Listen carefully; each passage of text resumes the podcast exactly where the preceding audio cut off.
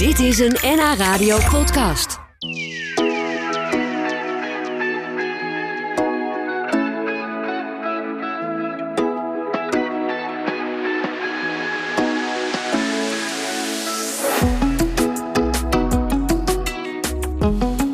Wat hebben Joep van het Hek, zangeres Francis van Broekhuizen en Paul de Leeuw met elkaar gemeen? Nou, ze gingen allemaal naar de MAVO.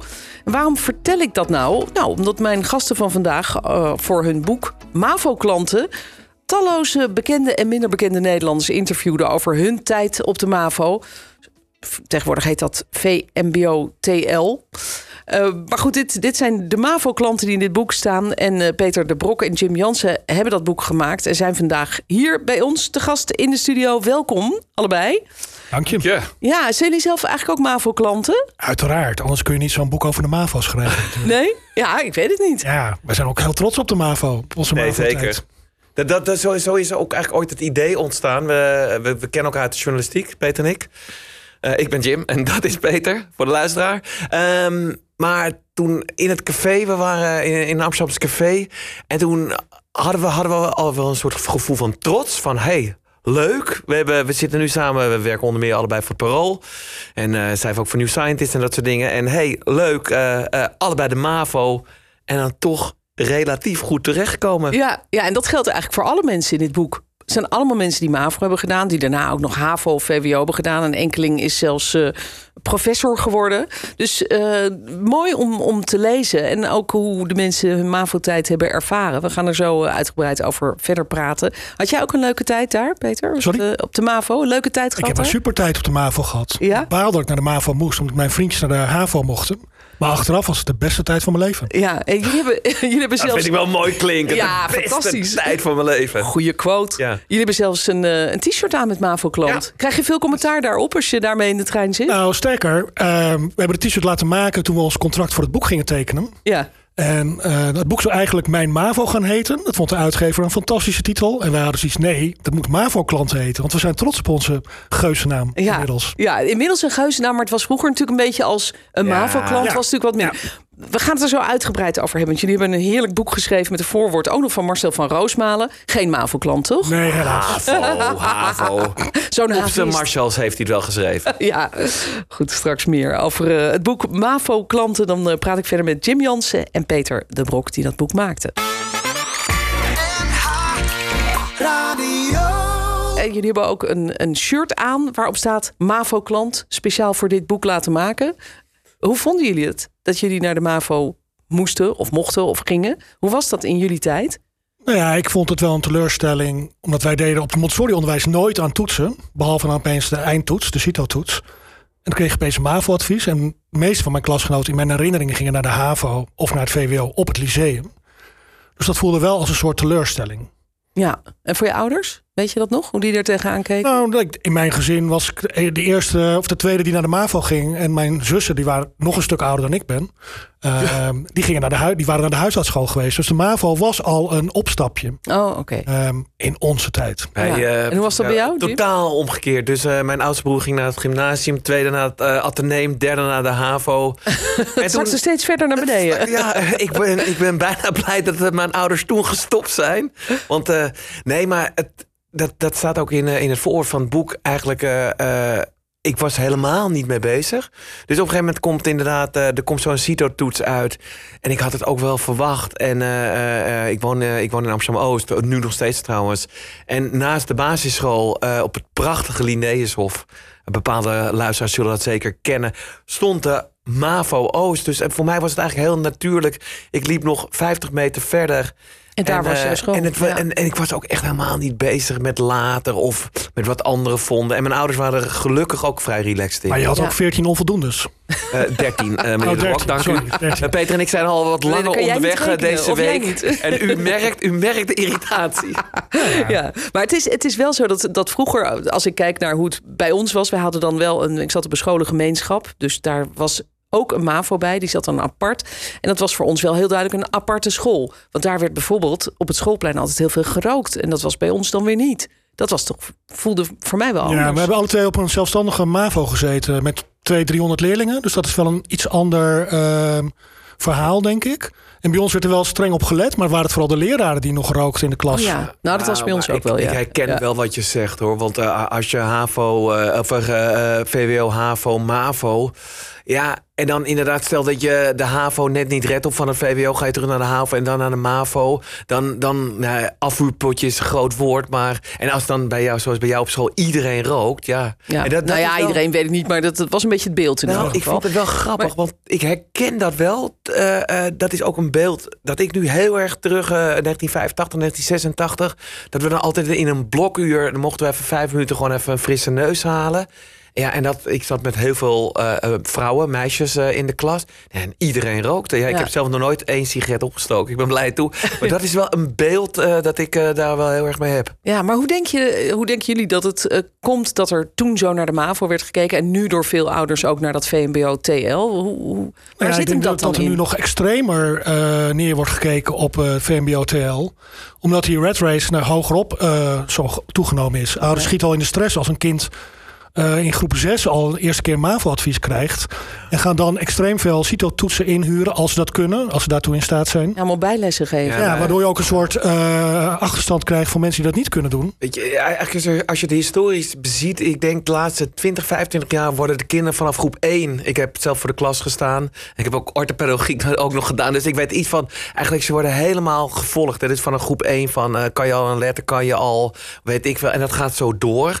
Ouders hebben vaak basisschool soms, maar bij middelbare school altijd er zicht op. Magister is bijvoorbeeld het systeem. Ja, dus dan zie je elke- precies ja, wat er gebeurt. wij, eh, mijn ouders hadden geen idee. Drie keer per jaar was er altijd een vervelend moment. Want dan kwam het rapport thuis. Ja. En dan, dan werd je maar eigenlijk... Dus de ouders zitten heel erg op. En wat Peter ook zegt, ja, van eh, eh, je hebt heel veel CITO-toetsen, of bijlessen, eh, bureautjes en zo.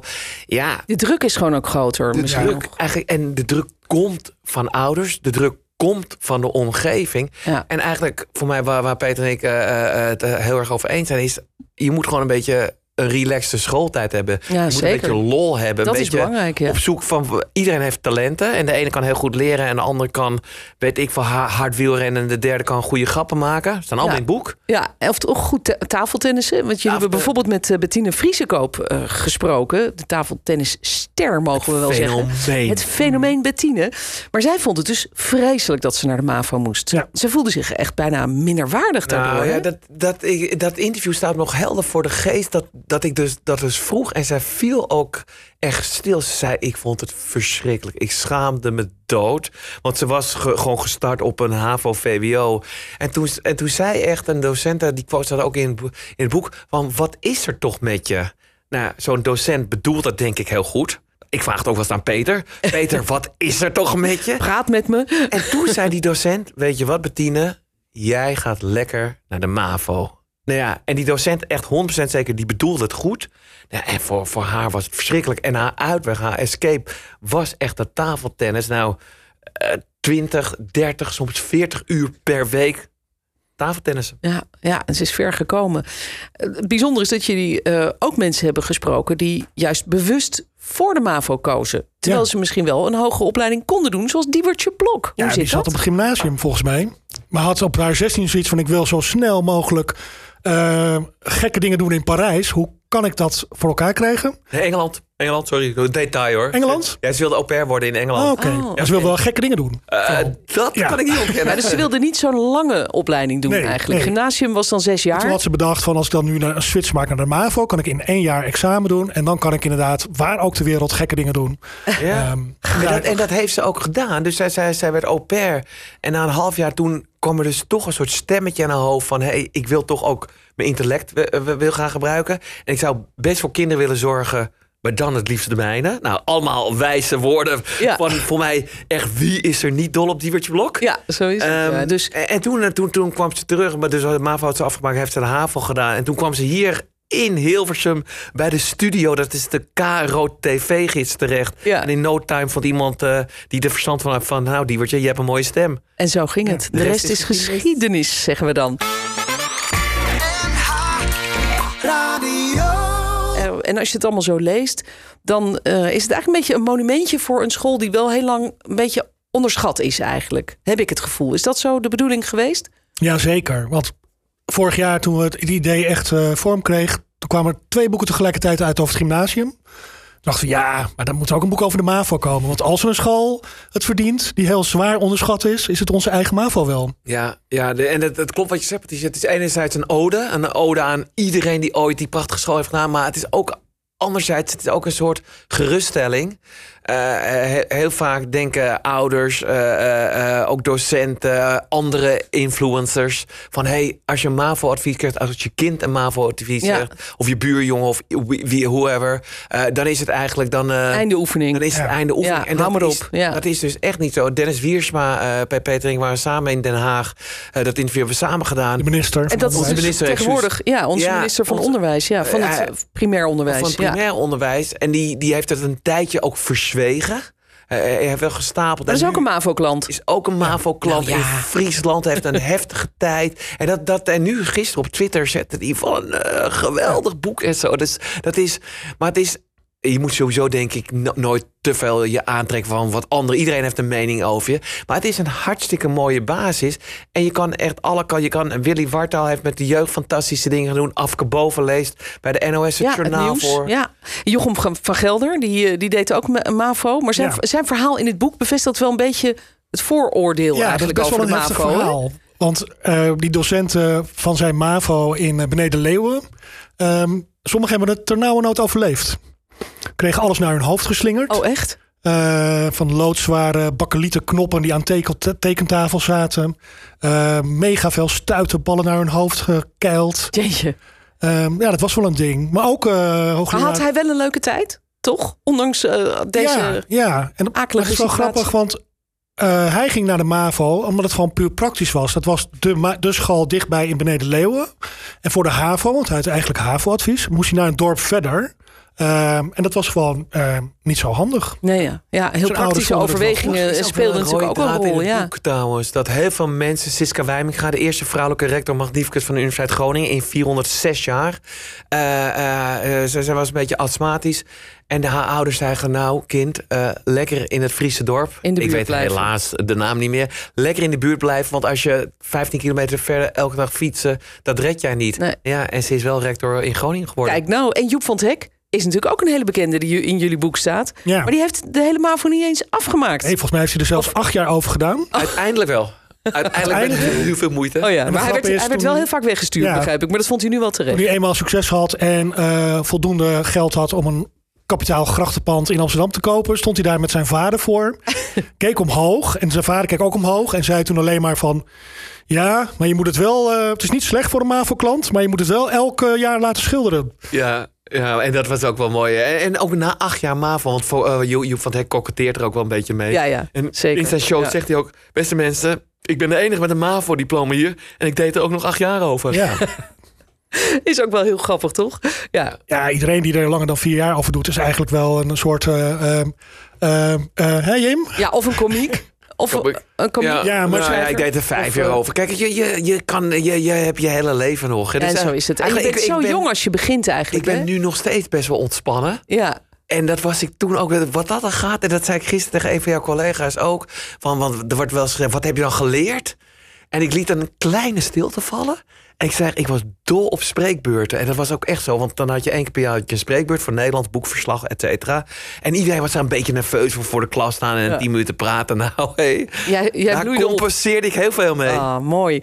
Nou, jullie verhalen en de verhalen van heel veel bekende en iets minder bekende Nederlanders... die eh, ja, toch een inspirerend verhaal te vertellen hebben over hun tijd op de MAVO. Is staat vandaag verschenen? Is nu net is uit. vandaag- we Vandaag zijn live bij jou en het is vandaag verschenen. Wauw, wauw, wauw, het, het boek heet MAVO-klanten, inspirerende interviews... over een onderschatte school van Jim Jansen en Peter de Brok. Fijn dat jullie vandaag hier waren in de studio... met jullie mooie MAVO-klanten t-shirts. Succes met het Dankjewel. boek. Dit was een NH Radio podcast. Voor meer, ga naar nhradio.nl. Radio.